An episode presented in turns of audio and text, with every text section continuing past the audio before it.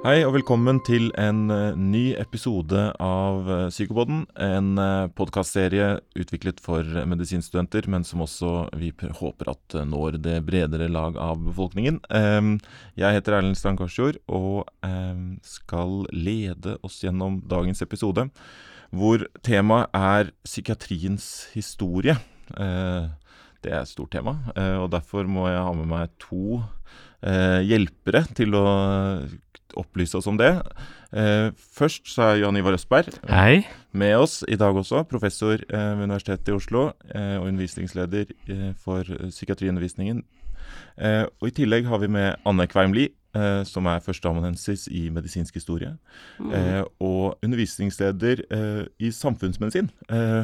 og har en interesse for psykiatriens historie og medisinsk historie. Mm, underviser i det. Eh, ja, eh, og skal prøve å hjelpe oss til å forstå kanskje dagens eh, psykiske helsevern i lys av historien. Kanskje. Ja, kanskje det er ambisjonen, hvis vi får til det. Ja. Vi er jo veldig fornøyd. Takk for at jeg får være her. Ja, velkommen, Anne.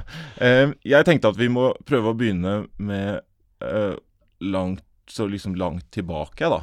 Altså, hvordan ble For det er jo beskrevet eh, på en måte Psykisk sykdom er beskrevet i litteraturen og på en måte i altså Det er jo historiske beskrivelser helt tilbake til antikken, iallfall. Mm. Eh, men hvordan ble, på en måte, hvordan ble psykiske lidelser forstått på den tiden?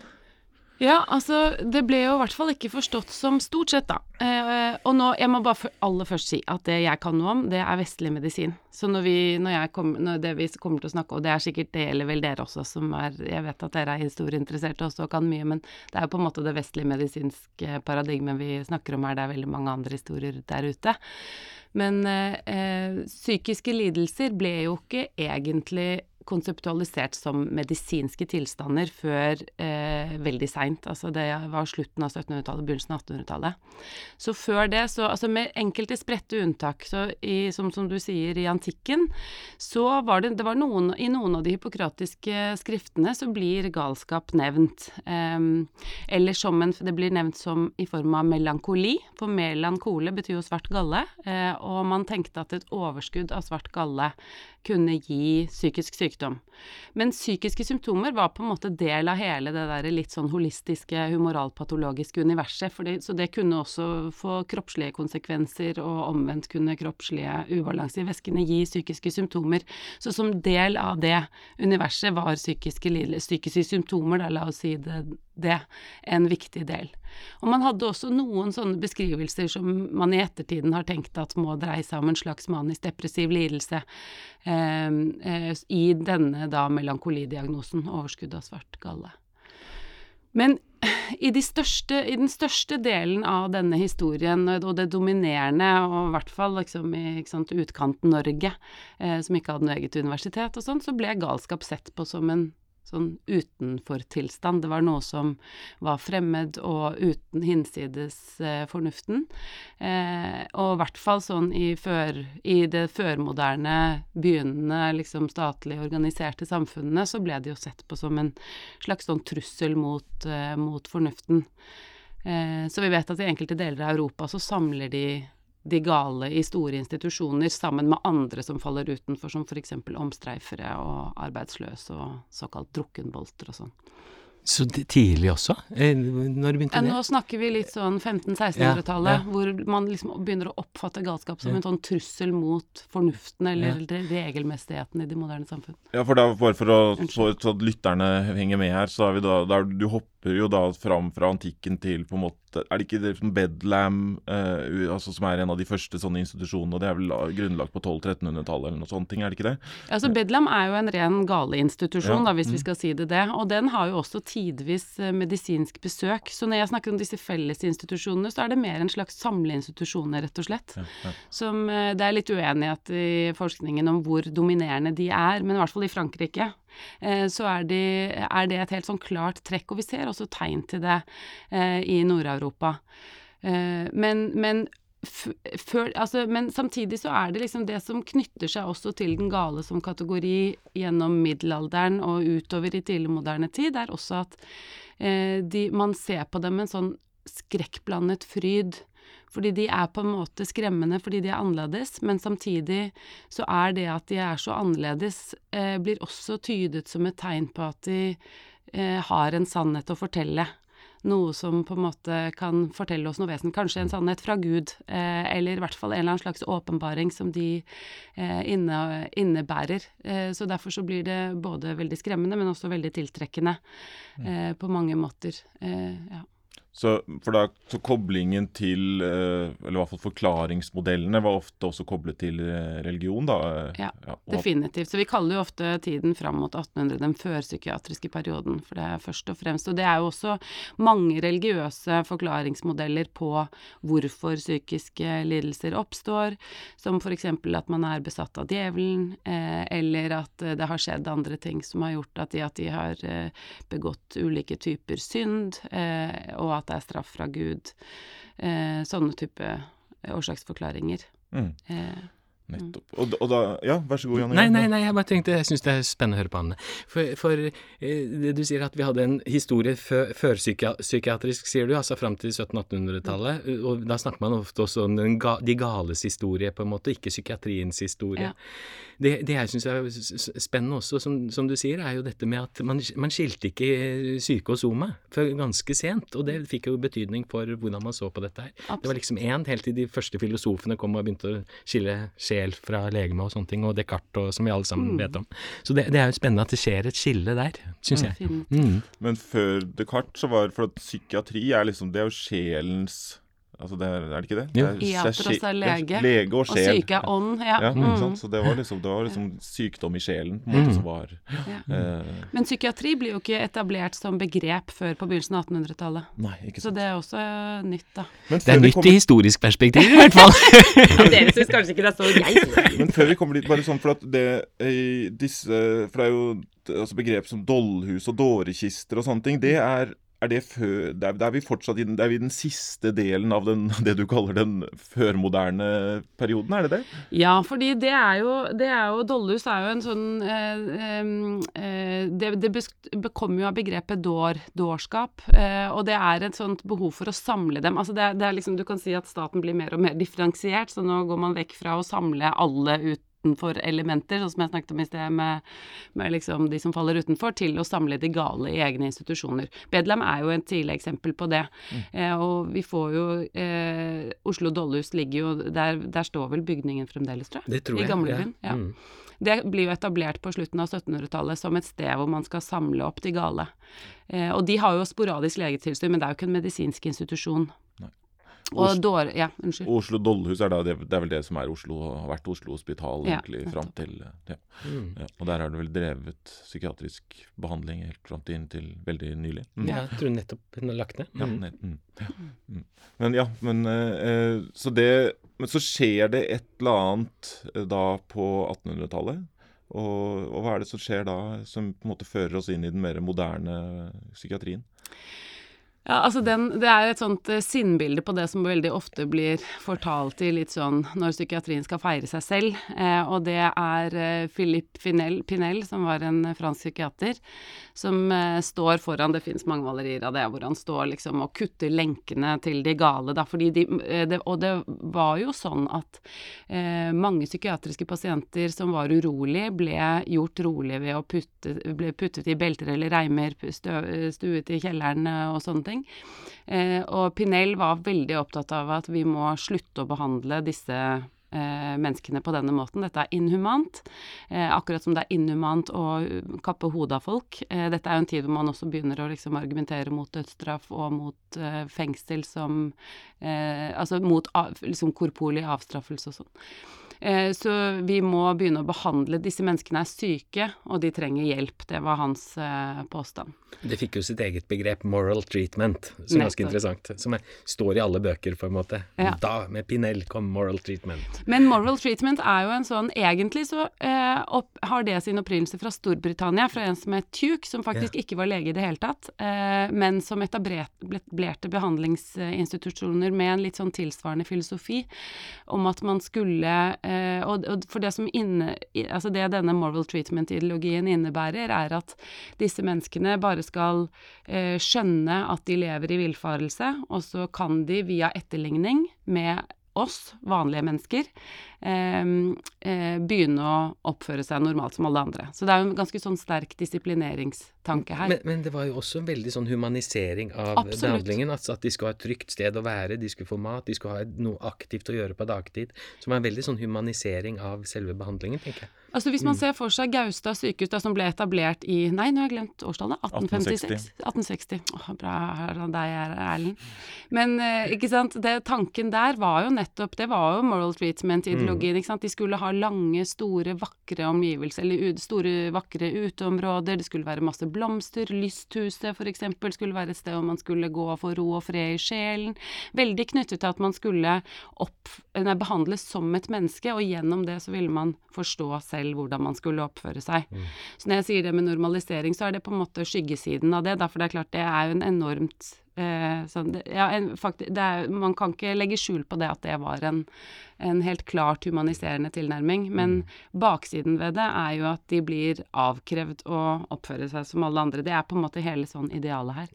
Og Adolf Tuk var veldig opptatt av at Nei, Adolf, nå har jeg glemt fornavnet hans. Han var veldig opptatt av at uh, behandlingspersonell måtte bo sammen med pasientene. Mm. Sånn at man skulle spise sammen med dem, sove sammen med dem, innføre faste regler, ta dem med på tur, gjøre hyggelige ting.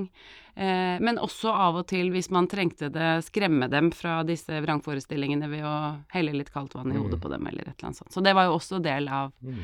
av denne behandlingsideologien. Men er det litt av det du tenker på, Jan Ivar, at også det er elementer fra moral treatment, eller fra tankegangen der, som på en måte sånn sett fortsatt nå altså, Som vi har med oss i, inn i dagens det, det, psykiatri, og som kanskje har kommet mer fram nå de siste ti årene? Nei, jeg vet ikke om det har kommet mer, mer fram. Altså, jeg får jo sånne der politikksystemer her. Nå skal vi flytte Gaustad til Sinsenkrysset, ikke sant? Istedenfor disse fine Det må vel være litt politisk, selv om man er, snakker historie, Anne.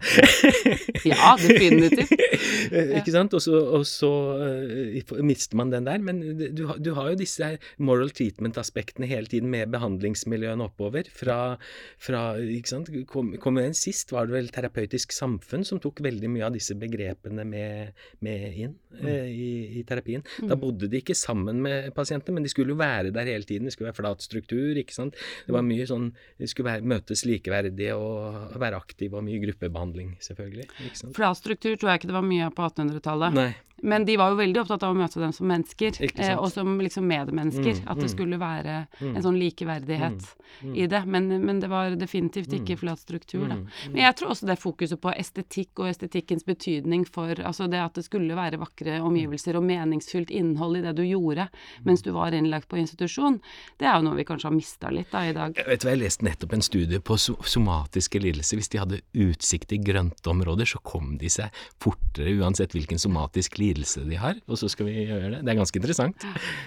Mm. Ja, det er jo mye å si om det. Ja. Tilgang til grøntarealer. Jeg vet at det er gjort også det på forekomst av psykoselidelser og nærhet ja. bosted, nærhet ja. til eh, grøntarealer. Og, det er, og det kan det sikkert forklares mange, av mange ulike årsaker. Men det er noe i hvert fall Men jeg tenker at den ta, altså når man ser på Hvis man reiser gjennom Norge og ser på ulike, de gamle psykiatriske institusjonene, så har det jo helt åpenbart vært fokus på det vakre. Mm. Eh, og både i bygdene Kanskje også at det var, kanskje arkitekturen da var vakker på den tiden, men, men også særlig hvor de er anlagt og uh, arealene rundt er jo, bærer jo preg av det. Ja. Så det er jo og, Hele paviljongtankegangen, ikke sant. At du mm. skulle ikke samle det i en svær kloss. Det skulle ligge adspredt, sånn at alle skulle ha utsikt til fint uh, til blomster og det grønne og ja. mm. Men fordi at, uh, bare for å dra oss litt inn på, på norske forhold da på altså første halvdel av 1800-tallet. Du jobber jo på, altså på Institutt for helse og samfunn, og dere holder til i Fredrik Holst hus. Mm. Eh, det heter det, gjør det ikke det? Mm, ja. det. Eh, et av disse gamle trebygningene som ligger eh, på utkanten av Ullevål sykehus. Eh, og han er en viktig figur eh, ja. i på en måte etableringen av på en måte en annen, noen rammer for behandlingen av eh, sinnssyke da, mm. på 1800-tallet. Kan du ikke si litt om hans rolle og hva det var han gjorde for noe? Ja, Han var jo en av de tre første professorene på det nyopprettede universitetet i Kristiania. eh, det som den gang het Kristiania. Og han var en skikkelig sånn sosial entreprenør, Fredrik Holst. Han plukket opp eh, masse av tankegodset i eh, det mer sånn liberale opplysningstids-Europa, eh, og brakte dem til Norge. Eh, blant annet så var han opptatt av rehabilitering av fengselsinstitusjonen. Men eh, en av hans hovedinteresser var psykiatrien, og han satte i gang en eh, ganske massiv kartlegging av psykiatriske Altså hvordan Eller det han oppfattet som psykiatriske pasienter allerede på 20- og 30-tallet. Eh, hvor han eh, eh, reiste rundt og fikk folk til å eh, kartlegge hvordan Altså dels hvor mange det var, og hva de led av. Eh, og kategorisering av eh, eh, psykiske lidelser var jo den gang helt annerledes enn nå, og han strevde med å få prestene, som var de som skulle gjøre denne kartlegging, til å forstå hva han egentlig mente at de skulle kartlegge. Så det var mye diskusjon om resultatet av det, men det som var helt klart for han, og, for, og som han var opptatt av å formidle i alle kanaler mot myndigheter og fagpersoner og studenter og alt sånt, det var at disse menneskene levde under helt uverdige forhold, og at man var nødt til å gjøre noe med det. Eh, og så så prøvde man å få det inn som del av folketellingen, altså en kartlegging og med litt varierende hell. Eh, men det ble i hvert fall helt klart at nå måtte man gjøre noe med Eller altså folk, liksom myndighetene lot seg overbevise, da. Så det er jo bakgrunnen for at vi eh, får vår første liksom, godkjente psykiatriske institusjon opprettet da Gaustad sykehus kommer.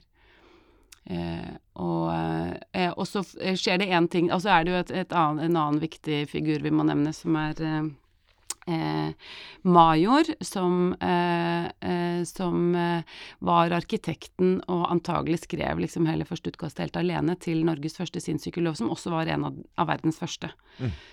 Eh, og det han var opptatt av i den loven, eh, og den ble jo godkjent av Stortinget, da, det var å beskytte Eh, pasienter mot overgrep, sørge for at de fikk eh, god nok behandling i institusjon. Så man var veldig opptatt av at alle Den loven handler også mye om eh, hva som skal til for å bli godkjent som psykiatrisk institusjon. Men den innfører også eh, et fenomen som kontrollkommisjoner, som vi jo har hatt med oss eh, helt til i dag. Mm. Og, og, når er det den kommer, den syns, første sinnssykeloven? 1848. 1848. Så det er veldig tidlig ja. i europeisk sammenheng. Mm. Og han major du mener, det er grev Wedel Major, er det det? Nettopp, takk, ja. ja. Mm. Men, men, han er, men, har han uh, har han noe med Majorstuen å gjøre, eller er det bare at det er en pub der som eh... Det vet jeg ikke. Mm. Det må vi jo Kan ikke du google? Det var det jeg lurte på. Jeg satt og fant ut tenkte på, sitte og tenke på det nå. Om det har noe med jeg han tror det er noen andre som heter Major, men det hadde vært morsomt å begynne å Nå, nå er det fredag, sånn så jeg tror jeg må avbryte dere nå med Major, men, uh... men, men, men, men, virkelig, den synssykeloven er i hvert fall den som vi egentlig har som på en måte man har bygd på senere, og som på en måte nå er den psykiske helsevernloven eh, ja. i, i, dag, da. Eh, er det, er det ikke riktig å forstå altså, det, kom, sånn? Ja, det kom en rekke nye forskrifter, men vi fikk faktisk ikke Den sto i, i over 100 år. Vi fikk ikke ny psykisk helsevernlov før i 1962, hvis jeg husker riktig. Mm. Er så, ja, det er jo dumt for en historiker å være så usikker på årstall, men jeg tror det er 62. Og så får vi jo en ny en i 1998. Ja. Eh, og det er jo den som fremdeles står. Mm. Eh, men, eh, men så, så, det er jo helt bemerkelsesverdig at den sto seg i mer enn 100 år. Mm. Mm. Eh, men altså med store forskriftsendringer, så den, det var jo ikke på en måte praksis. Konsekvensen av den var jo ikke det samme, men ja, Så det er ganske voldsomt. Og så er det jo en litt sånn tragisk historie med Major, fordi han dør jo ung, så han ser, får på en måte aldri se hjertebarnet sitt, eh, Gaustad sykehus, åpnet, og får ikke høstet fruktene av dette. Mm. Ok, men så da har vi måte, vi har fått etablert en sinnssykelov, og de første på en måte asylene er på en måte, de bygges. Og så sa du noe om at han eh, Holst blant annet, han gikk rundt og samlet inn på en måte informasjon om pasientene, og, men med en, sannsynligvis med en kategorisering da som var ganske annerledes enn den man ser 100 år senere. Ja. For det skjer jo på 1800-tallet også på en måte en ganske stor Det er mye fokus på dette med og på kategorisering. Eller ja. på en måte hva skal man si, det etter hvert som fører fram til en moderne diagnostikk. da. Jeg vet ikke om hvem av dere vil uh... Nei, jeg tenker vi har Anne her, ja. Men, ja. men dette, dette, er jo vi, vi, mennesker har jo, har jo, alltid kategorisert, på en måte. Altså, men det kommer mer på, på 1800-tallet. Så Ja, i hvert fall det som blir Det blir jo i hvert fall Det skjer jo ting der som er ganske førende for hvordan vi uh, fortsatt kategoriserer nå, tenker jeg. Ja, uh, definitivt. Ja, jeg vet ikke om du vil si noe om det, Anne?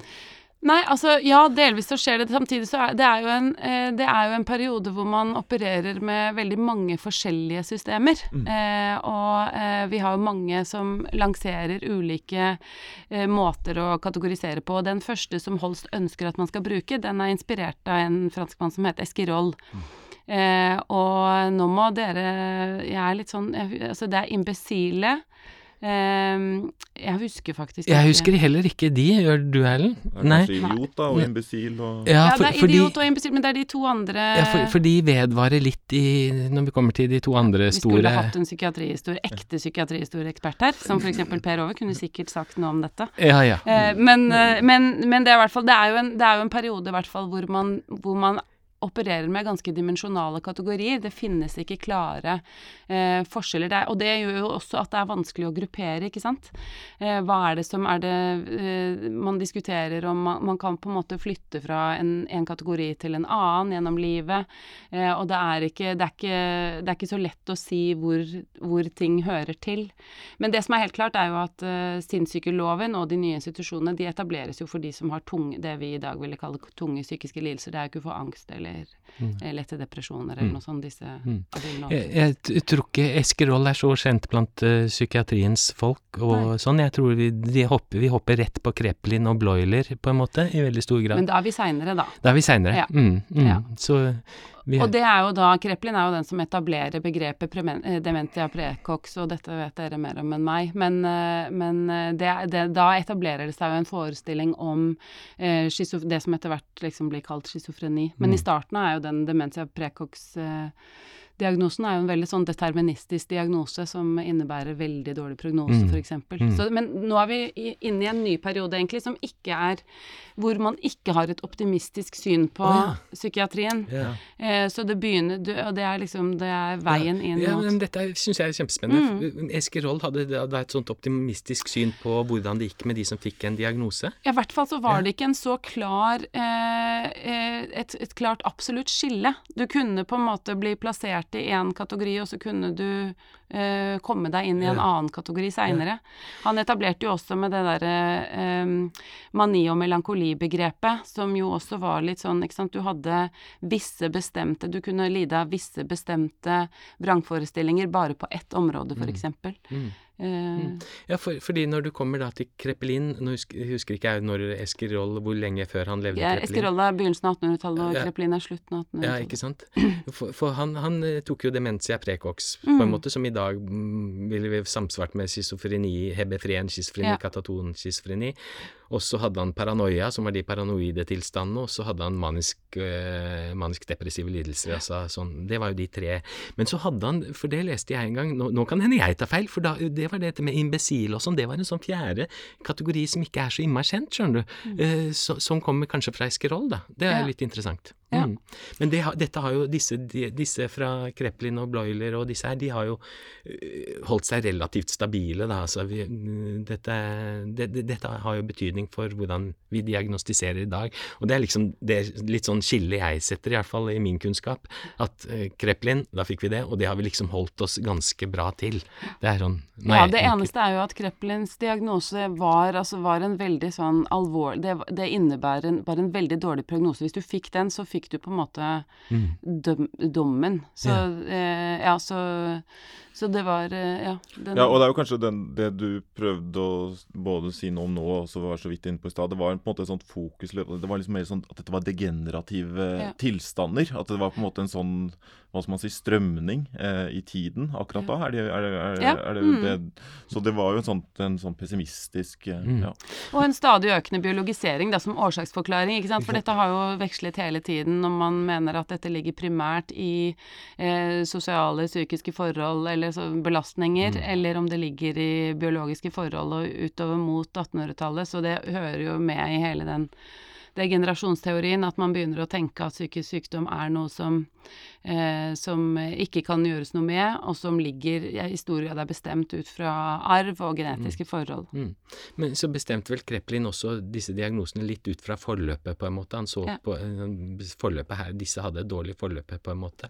Sånn som vi gjør med en del somatiske lidelser nå, som nevrologiske lidelser. Vi, vi setter jo diagnosen også med et dårlig forløp, med et godt forløp, med, med litt sånn forskjellig. Det er litt interessant, syns jeg. Ja. Mm. Dette er jo også en periode hvor man skiller ut nevrologi fra psykiatri. Ja. For ikke epilepsidiagnosen er jo del av Mm. psykiatriens vokabular før mm. nevrologien Mm. etablerer seg. Mm. Det tar jo ganske lang tid før epilepsi Mm. blir anerkjent som en nevrologisk Mm. diagnose. Mm.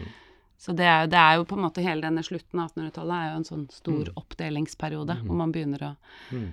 Eh, ja. Men, men jeg kan jo bare få si, før vi forlater moral treatment, for jeg syns det er så fantastisk, ikke sant, den der behandlingsoptimismen som den førte til, og som jo Major også representerer egentlig i sinnssykeloven.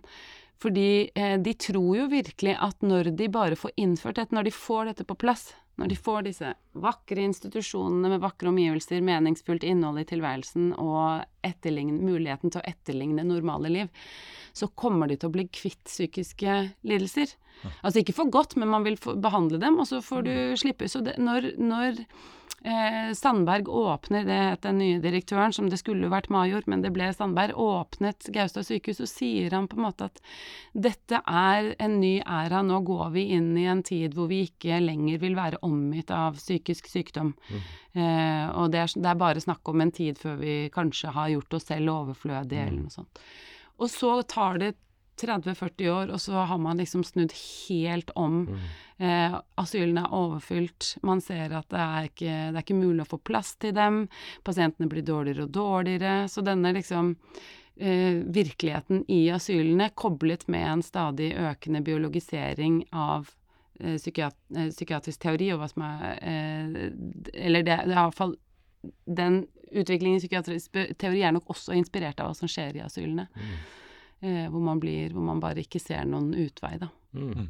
Ja, så, man, ja, så det, det at man faktisk får eh, samlet Det er en sånn reality check da, for, eh, for noen. Ja, og så er det jo på en måte, ikke sant, du har eh, mangel på personell, det er ikke nok penger til å bemanne dem, så mange av de som kjemper for, og det er jo flere som, på, som er forkjøpere for moral treatment og dens arvtagere, men de protesterer jo hele tiden på at vi får, ikke, vi får ikke til å få til den behandlingen vi egentlig vil ønske, nei, ønsker oss, fordi asylen er overfylt, vi har for få å spille på.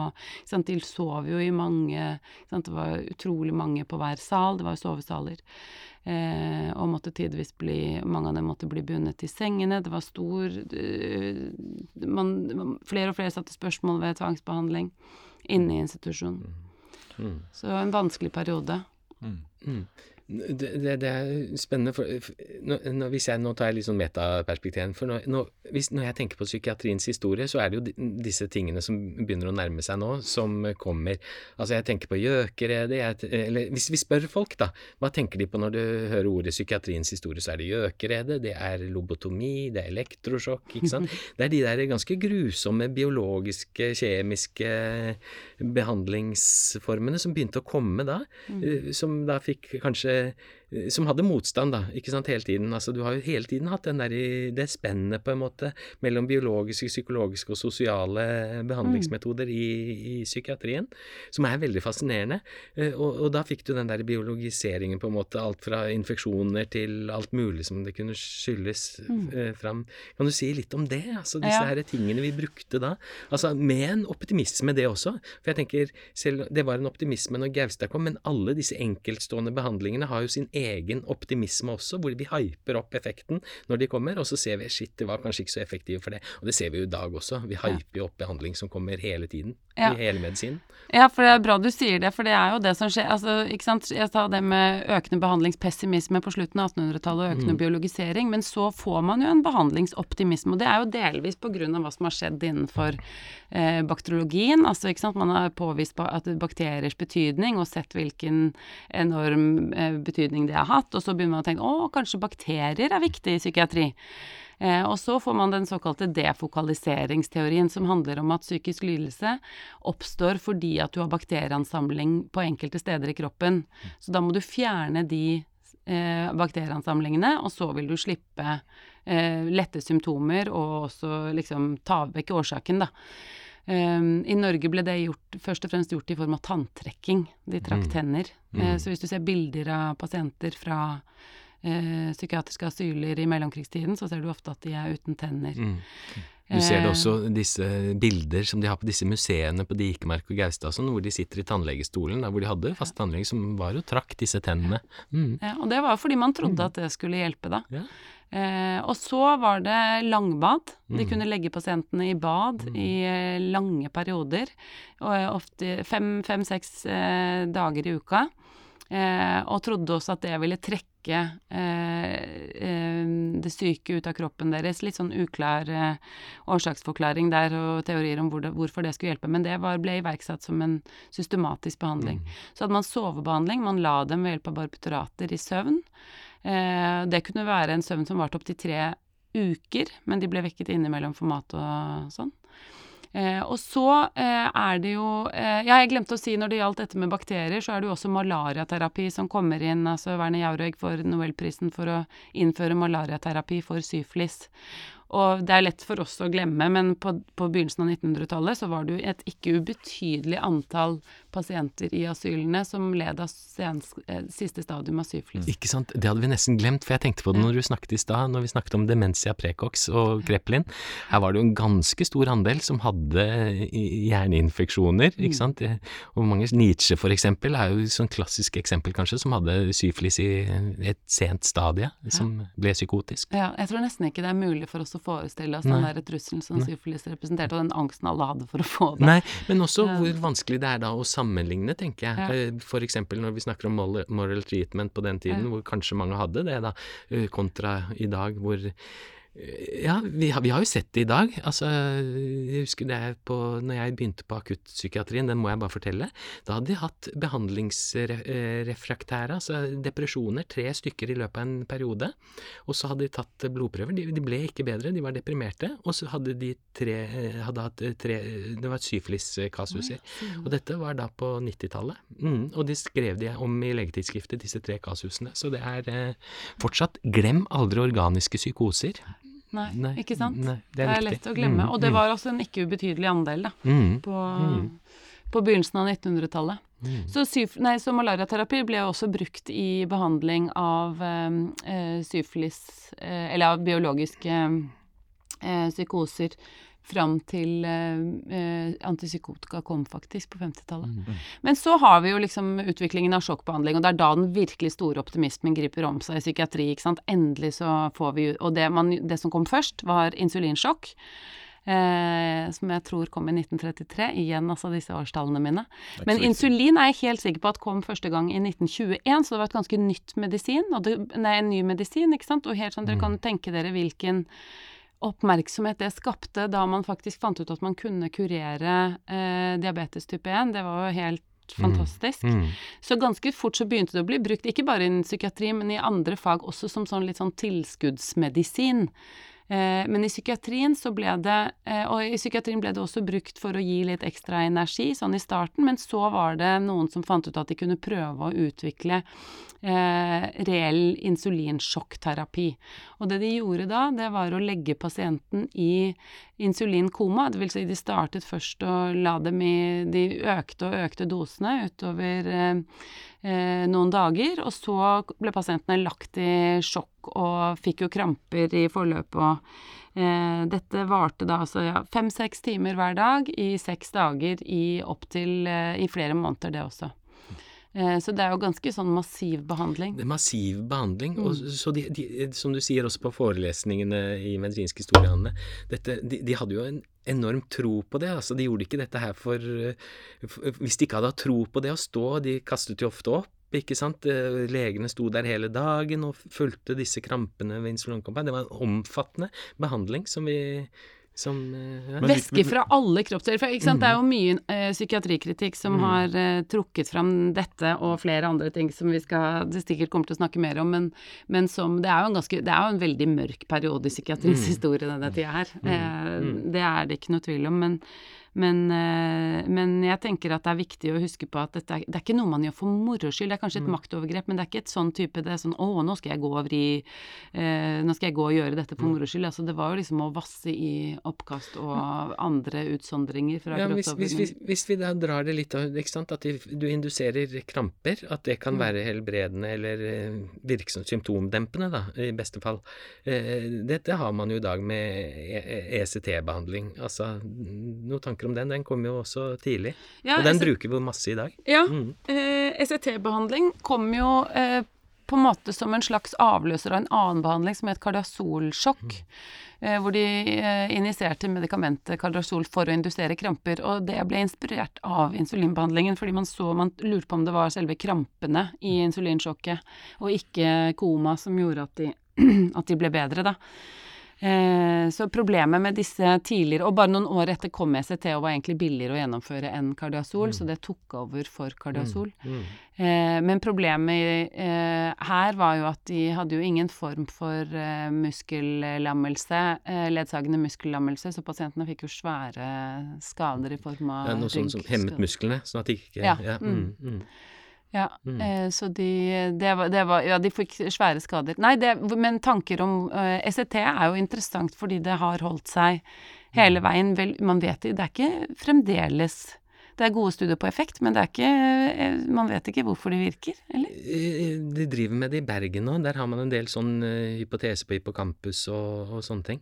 Eh, men man vet at eh, Man vet bare effekten, på en måte. Ja. Men ikke hvordan og hva det er som gjør at det virker, helt konkret. Nei, det er vel sånn at virkningsmekanismene vet vi ikke. Nei. Nei, det er jo kjempeinteressant. Mm. Eh, altså det, det er på en måte overleveren da, fra Mm, disse mm, tre. mm. Og det fantes jo mange studier på effekt også av eh, insulinsjokk Mm. særlig, men det kom studier etter hvert på kardiasolsjokk òg. Mm. Eh, og allerede i samtiden så var det jo noen Altså han eh, Nei, gud. Eh, legen til Hamsun, han som erklærte Hamsun for eh, Skjerfen eh, Nei, ikke Scharfenberg. Nei, han som var overlege på Gaustad. Eh, Åh, det kommer snart. Ja, nei, nå står det stille, men eh, han dukker opp. Ja, ja, ja. ja. Ja, Eh, han mente i hvert fall eh, Jeg har bare Sandberg i hodet nå, men det var 100 år tidligere, skal vi Mm. se. Jeg kommer snart. Vi kommer på det. Han mente i hvert fall at dette var, altså at insulinsjokk var livsfarlig behandling, og det sa han i samtiden, og allikevel fortsatte man å bruke det i over Mm. ti år. Mm. Så det er jo litt sen- selv Mm. det, det var jo bekymring knyttet til at det var farlig også i samtiden. Mm. Nå, nå blir dette kanskje en digresjon, Anne, men, men ikke sant, for dette er jo viktig. Hva slags studier var det de hadde når de sier Du sier du hadde studier på insulinkomabehandling og sånne ting. De gjorde oppfølgingsstudier. Case control-studier. Ikke sant? Ja. Mm. For, for det, det tenker jeg kanskje Nå er jeg ikke sikkert du er enig, men viktigste med medisinsk historie og psykiatrisk historie er jo at vi dæven ikke må gjenta den, altså. Det som er de feilgrepene, på en måte. At vi må ta hensyn til, til sånne ting. Eh, og ja.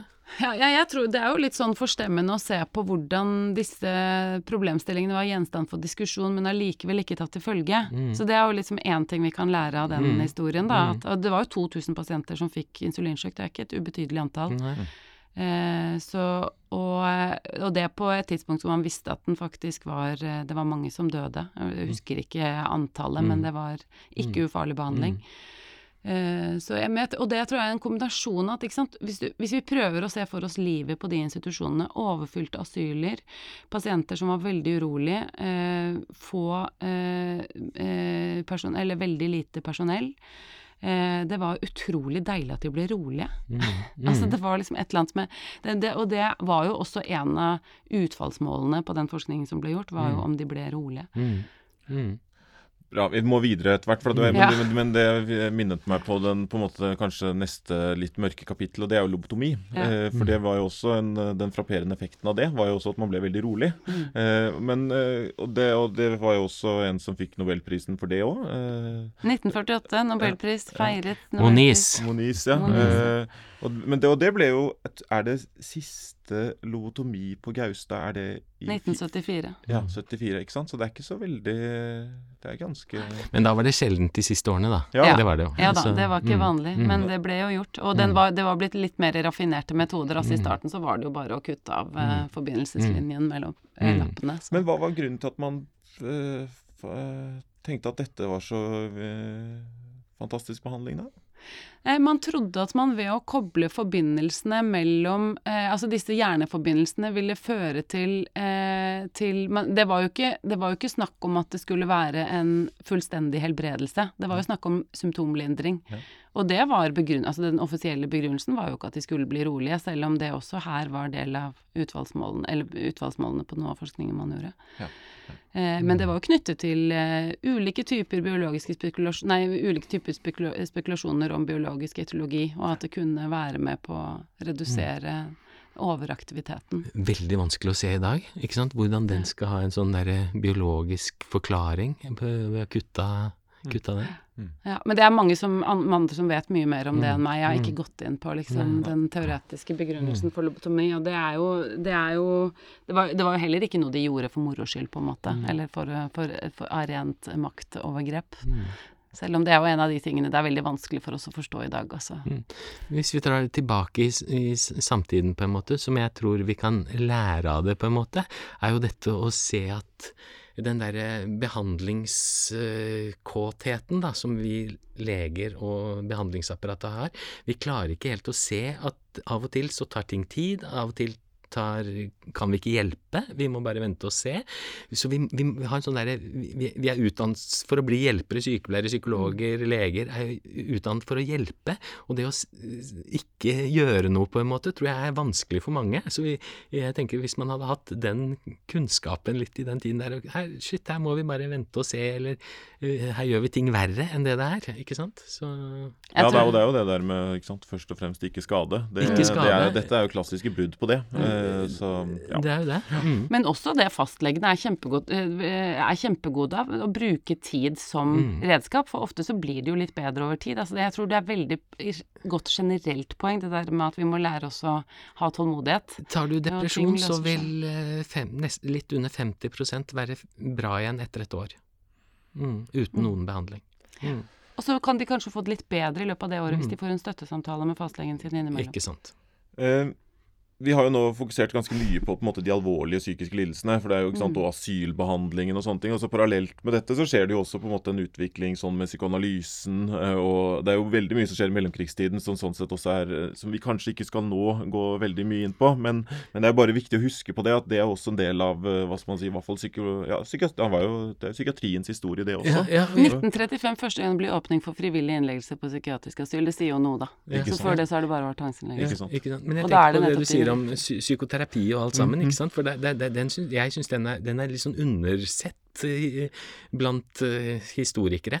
For den har liksom ikke fått, uh, fått den samme fokuset. Jeg tenker helt, Der kan vi jo gå tilbake til disse filosofene, Descartes og alt sammen. Du har enormt mye det, er, en grunn til at psykologien gikk ut fra filosofien. ikke sant? Og du har jo masse spennende der. Alle Sigmund Freud var jo inspirert av både Nietzsche og Spinoza og alle disse her.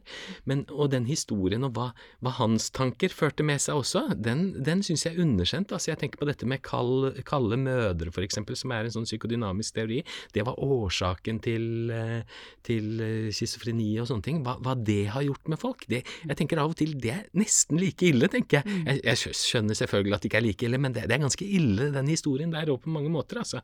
Og den der, ikke sant, de kunne jo gå i psykoanalyse, disse pasienter med schizofreni ikke bare 18 år, men 20-30 år, ikke sant, hver dag, for å prøve å gi sånn der ekstremt uh, forsøk på å få de friske igjen. Så det er ganske mye der også som jeg tror vi skal ta med oss i dette her, og, vi, og den har jo en lang historie, den også. Mm, det er det.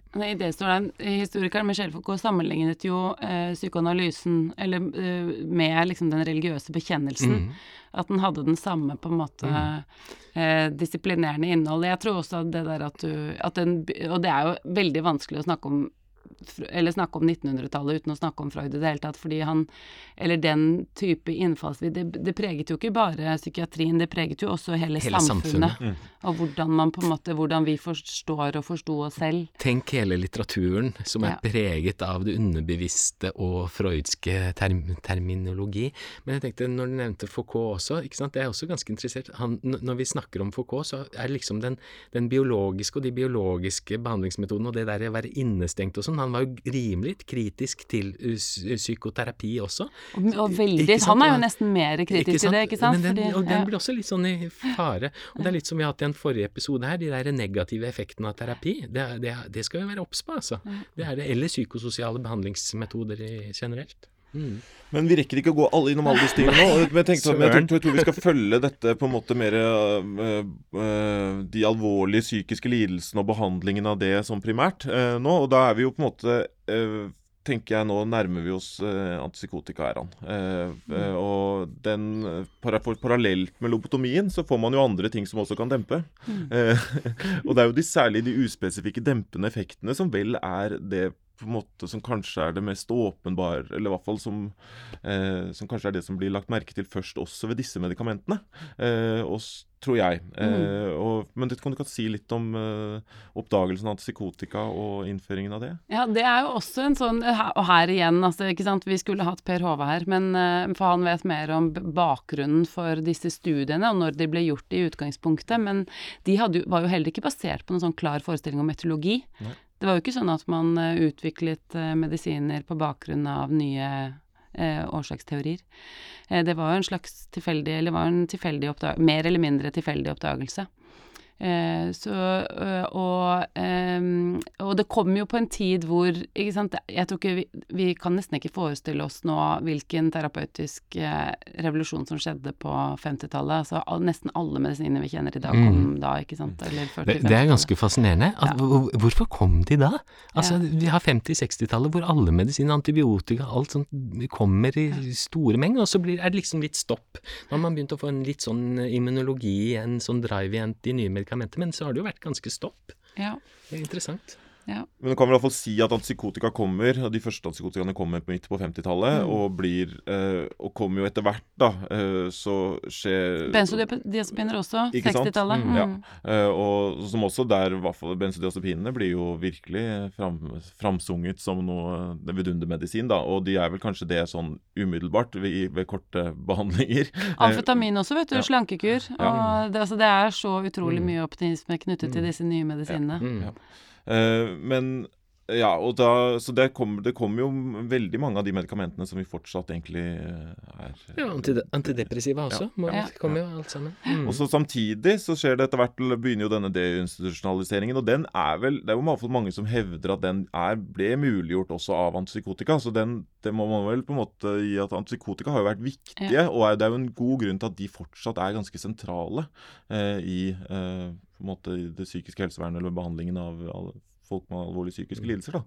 Eh, fordi det muliggjorde jo en eh, Kanskje en, tilba i hvert fall en, i hvert fall en gradvis tilbakeføring til samfunnet for ganske mange. Mm. Eh, Det er i hvert fall det som noen hevder, og så er det noen som er uenig i det, men jeg er vel tilbøyelig til å Generell, tenke generell kunnskap der er vel at det muliggjorde det. Ja. Og, der, der, der syns jeg også spennende historisk vel, altså Hvis man går inn og ser hvordan det var før og etter, og se på hva disse, disse gamle eh, som jobbet på disse asylene før det kom inn og etter det kom inn og alt sammen og, eh, Det er ganske, ganske rått. eh, rå forskjell. Og, Men der er det også litt forskjellig historie. Jeg syns det er innmari interessant. Det er ikke gjort så veldig mye liksom jeg, jeg, jeg skulle ønske at noen kunne gå gjennom eh, nedtegnelser fra For disse pleiepersonellene skrev jo nedtegnelser. Og faktisk se på forskjellen. Hva, hva er det som skjer? Eh, men, men ja. Men den, den det, Jeg skjønner at vi ikke har god tid nå. Men den deinstitusjonaliseringen tenker jeg skyldes to forhold. Det ene tror jeg er helt opplagt eh, antipsykotika, men det andre er jo en økende antipsykiatrisk kritikk og en oppmerksomhet rundt at medisinen skaper også problemer, altså iatrogen skade. Eh, så det var jo en voldsom Så noen steder skjedde jo eh, deinstitusjonaliseringen som følge av det altfor fort og raskt, og ble jo til dels også brukt som unnskyldning for å spare penger. Altså staten skulle spare penger. Italia f.eks. fikk jo en sånn voldsom deinstitusjonalisering som følge av antipsykiatri, særlig antipsykiatribevegelser på 70 nei, på 70-tallet. Eh, og hvis du Altså, det eh, Jeg har bodd i New York et år, og det er jo ganske sånn hjerteskjærende å se psykiatriske pasienter på gata som helt åpenbart burde hatt behandling. ja, og vært innlagt i fengselen Som, der som er det altså bostedsløse. Det er Ja. 600 000 mennesker i USA nå som går, enten bor på gata eller som er i fengslene. Det er jo sånn de behandler dem, at de sender dem i fengsel. Ja, Ja. Så det er en antropolog som har skrevet en bok nå om det nye psykiatriske sykehuset, og da går hun inn i fengslene i USA. Det er Mm. ganske interessant, altså. Det er, eh, At vi har fått flytte over til fengslene. Det er en vei ikke jeg ønsker meg, i hvert fall. Det er helt sikkert. Mm. Mm. Fikk en assosiasjon til det, er det ikke hun eh, danske professoren Merete Nordentoft som gjorde sitt eh, doktorgradsarbeid på undersøkelse av bostedsløse i København, tror jeg. Og, Ja. da, og da hadde hun eh, undersøkt og gjort psykiatrisk intervju av dem, og fant jo at veldig mange av de hadde jo alvorlige psykiske lidelser. Mm. Eh, og det var på en måte eh, Mm. uoppdaget da, egentlig. Ja. Mm. Mm. Så det er jo eh, selvfølgelig en Ja. Det er. Kanskje det har vært en folk da som har vært Mm. eh, Mm. ja, kunne, Som hadde vært ivaretatt på Mm. For, for i den derre eh, David Cooper, han antipsykiatriens far, han, han er det jo skrevet mye om. Han som virkelig kom med begrepet. Det var jo ikke Laing som gjorde det. Det var David Cooper. Han lagde jo noe som het Villa 21. Og det var en sånn derre De tok imot førstegangspsykoser i London. Utrolig godt beskrevet i eh, Torgrim Eggen sin bok om Aksel Jensen, som også var på den Villa 21, og Kingsley Hall, da, som er etterfølgeren. Og, og hvordan det var der. Og det er bare skrekkelig. altså og, og det blir jo så mye bråk der, og så mye tull, at naboene begynner å kaste steiner inn og i stuene der, og det er helt fullstendig Men hva var kaos. filosofien der, da? Det var, det var at dette skulle være en sånn Du skulle leve deg gjennom eh, psykosen, for Ja. eksempel, ikke sant? Og så kom du ut på en, på en bedre eh, be, Som et bedre menneske, mer opplyst og sånne ting. En litt sånn romantiserende eh, opplevelse av hva psykosen var. Ikke sant? Så tok Laing den videre hvor du tok litt LSD og litt sånne ting også, men, men i starten var det bare at du skulle eh, gå inn i et sånt vanlig miljø eh, uten noen ting av behandling, og masse grupper og alt sånt, som var rimelig skadelig igjen, altså, som et sånt terapeutisk miljø, da. For, for De hadde jo en tanke om at uh, um, psykiatrisk sykdom var ikke egentlig sykdom, men var en sunn reaksjon på et sykt samfunn. Mm. Så det, det var jo en, en sånn ektefødt barn av 70-tallet, den tanken også, da. Mm, mm. Um, Ja, dette var på 60-tallet. ja. Mm, mm. Mm. Så kom eh, Nå husker jeg ikke hva han forfatteren Han, eh, han eh, Boka hans er rød. Altså, han, en sånn Sass. Sass, ja. Thomas Mm. Sass. Eh, han har også skrevet eh, gans, ganske mye om dette her, og en veldig spennende bok som anbefales. Men der er det jo en litt sånn morsom historie med han og Alan Francis, for han var jo mot alt. Dette var ikke sykdom, dette var ikke lidelse, dette var normale Han var jo tilstander. psykiater selv, men han mente at man måtte bare Hans fag var helt ubrukelig og helt umulig, og ja, hadde, deres pasienter Ja, var ja. ikke pasienter. Men så har han en samtale med Alan Francis, han som står bak mye av disse diagnosebiblene i USA. Og så hadde Alan Francis spurt han ja, ja, men hva hvis det var din, et av dine egne barn da, som eh, var psykotisk eller suicidal eller noe sånt noe. Så, så hadde eh, eh, SAS svart da jeg er først og fremst far. Ikke sant? Det er ganske bra, syns jeg. Da ville han Høres ut som en vandrehistorie. Det er en vandrehistorie. det er Alan Francis som har fortalt den. Men uh, han SAS var da en, sånn, en eksponent for det, altså, på en måte mer at uh, psykiatrisk sykdom var en mer sånn sosiale konstrukter og på en måte ikke uttrykk for noe egentlig sykdom eller underliggende biologiske forandringer. Er det riktig å forstå det sånn? Alle diagnoser er sosiale konstrukter.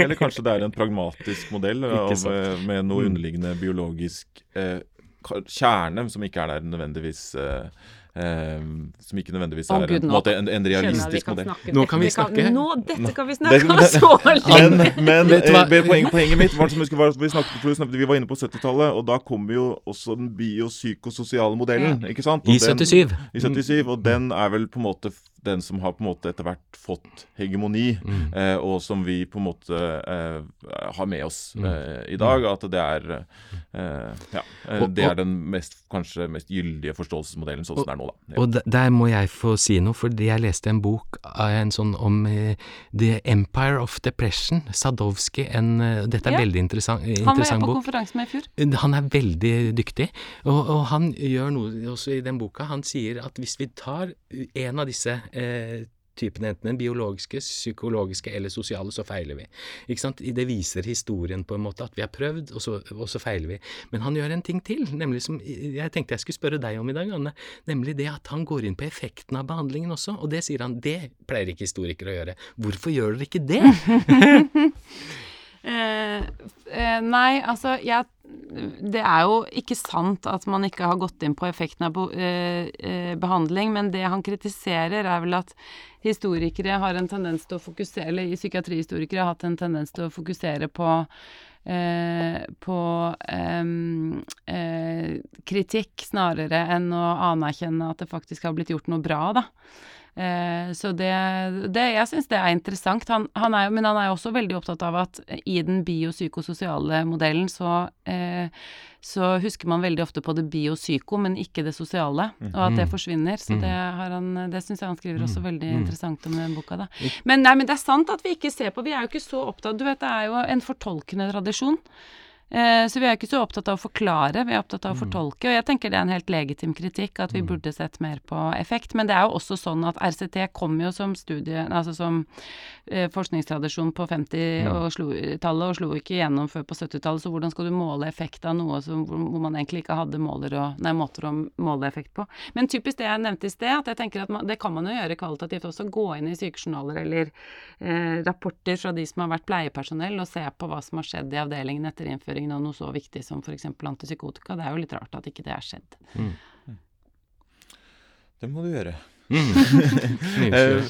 Nå kom jeg opp med veldig mange ting vi skulle snakket om, men nå Jo, vet Vi jeg vi skulle har snakket f.eks. om global mental health og kritisert det som en sånn universaliserende Det er veldig mye vi kunne snakket Ja, og du må nesten invitere deg tilbake til Anne, Ja. og kanskje til eh, diskusjon av eh, diagnoser og diagnosekritikk og sånne ting. Ja. Det hadde vært spennende. Men eh, jeg tenkte bare på om For at vi, hvis vi skal føre oss liksom helt fram, da, eh, så er det jo eh, Det er jo verdt å også stoppe ved 1980 og DSM-3 og på en måte eh, den eh, mer moderne eh, klassifikasjonen av psykiske lidelser og fokus på reliabilitet eh, egentlig som, som et sånt hovedfokus.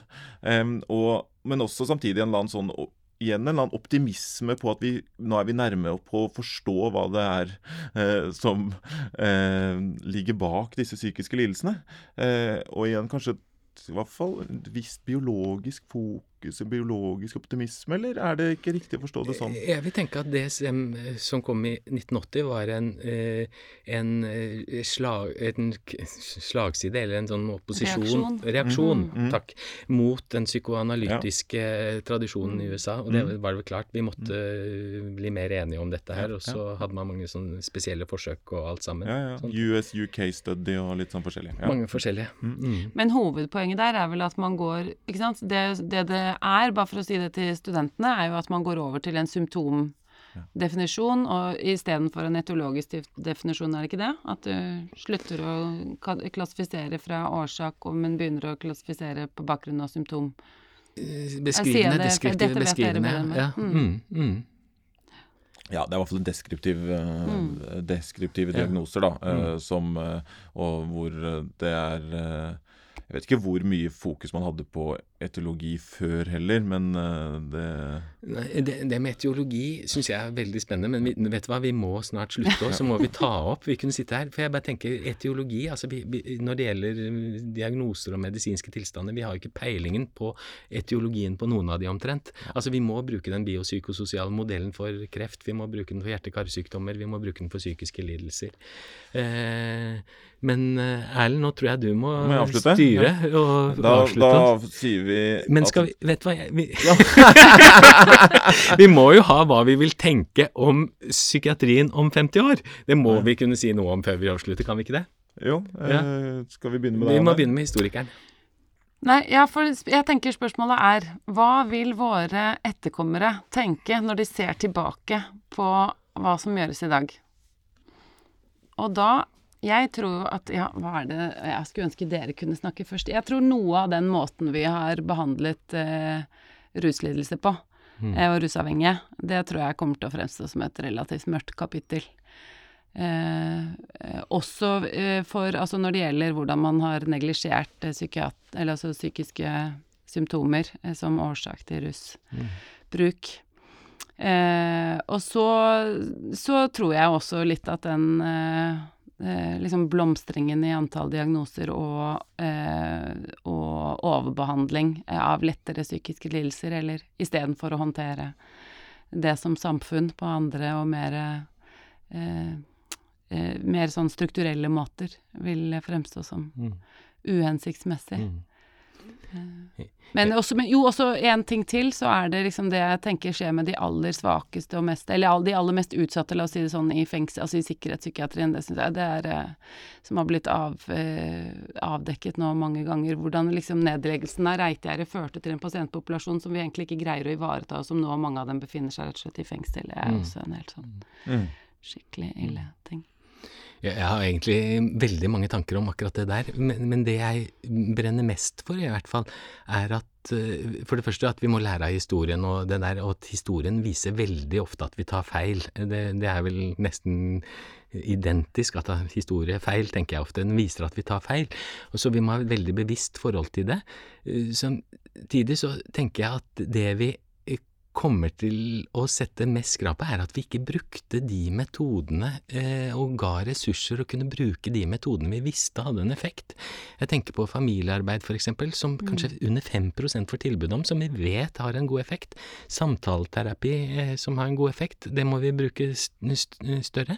Og så at vi får inn den holdningen at medisiner alene har aldri vært nok for at du skal bidra til at en pasient med en alvorlig psykisk lidelse eller en eh, middels psykisk lidelse eh, kommer tilbake med optimal livskvalitet og god funksjon igjen. Da må du ha med de sy sy den eh, psykososiale biten, tenker jeg. Det er kjempeviktig. Og så tror jeg at vi får bedre samtaleterapier for de eh, lettere, psykisk, lettere og moderate psykiske lidelsene, og så at vi får noe bedre medikamenter eller noe sånt nå, også for de mer alvorlige psykiske lidelsene. Det tror jeg. eh, Om 50 år. Ja. Ja, nettopp. Jeg tror, f jeg tror ikke vi kommer til å ha forstått de psykiske lidelsene om 50 år. Altså sånn på et eh, bio rent biologisk. Jeg tror det er en sånn, et sånt luftslott som mange Og det er mye tror mye penger har blitt brukt på eh, hva skal man si, flawed paradigms. Eh, så det tror, jeg, det tror jeg at vi skulle hatt forsk At man ikke At man hadde en sånn skjevfordeling av ressurser mot eh, på en måte det å finne ut årsaker opp imot mer sosiale intervensjoner, det tror jeg man vil hva skal man si, bli, bli, bli dømt for. Eh, og så eh, tenker jeg at vi vil bli eh, kritisert for at vi har hatt for lite Selv om det er en snakk, mye snakk om forebygging, så er det lite fokus på forebygging. Og lite ressurser som blir allokert til forebygging. Eh, til fordel for at alle skal på en måte få hver sin behandler og komme Mm. liksom i etterkant av at problemene har oppstått. Mm. Mm. Det tror jeg. Så hvis Mm. vi klarer å få en utvikling der hvor vi jobber mot det, så, det, så tror jeg vi Så kommer den kritikken. Mm. Hvis, ikke det, hvis vi fortsetter sånn som vi gjør nå, så kommer ikke den Mm. kritikken. Da bare Mm. fortsetter vi. Mm. Jeg bare lyst til å si, jeg er helt enig med deg når det gjelder det med psykiske lidelser, at vi ikke kommer til å forstå det. fordi da forstår vi jo hva det vil si å være menneske, og der ligger vi langt inn. Altså, det er jo det vi behandler. Tanker, følelser og atferd og sånne ting. Og der, vi, der har vi mye igjen, altså. Heldigvis, da. Heldigvis. Heldigvis. Ja, nei, og det ville jo vært, eh, det ville jo vært kjedelig hvis vi eh, forsto noe så komplisert. Ehm, fint. Takk for at du kom, Anne. Å, det var var jo- kjempegøy. Ja, Tusen takk. Ja, det er jo da, hva skal man si, eh, medisinsk eller psykiatriens historie, eller i hvert fall noen glimt av psykiatriens historie eh, på en time. Eh, og Vi har i hvert fall kommet innom mye, og håper kanskje mest av alt at dette kanskje kan stimulere til en eller annen interesse til å lese mer om det. For det er jo på en måte et, det er jo så mye å ta av, og så mye å fordype seg i. Eh, så vi kommer jo ikke gjennom eller innom alt, men vi har vært innom noen viktige punkter, tenker jeg. Og det er viktig. Anbefaler Per Håves bok om Sanderud, eh, den eh, institusjonen Sanderud, den handler om veldig mye mer enn akkurat den institusjonen. Utrolig morsom. Så er det Aina Schjøtz som har skrevet en fantastisk bok om medisinsk historie. Det har hun, ja. Og det er fint å minnes Anja, så det er bra. Ja. Ja. Da sier jeg takk til at du kom, Anne Kveimli. Eh, og takk til deg, Jan Ivar Røsberg. Og takk Og til deg, Erlend. Ja, takk, takk til meg, ja. Eh, og takk til Morten Skoglund eh, på eh, eh, Seksjon for medisinsk Seksjon for informatikk. medisinsk informatikk eh, ved Universitetet i Oslo. Han har stått for eh, at vi har så fin lyd, og andre annen del av teknikken. Eh, og så høres vi igjen. Kanskje vi inviterer deg igjen, Anne. Ja, gjerne. Ha det. Ha det. Ha det.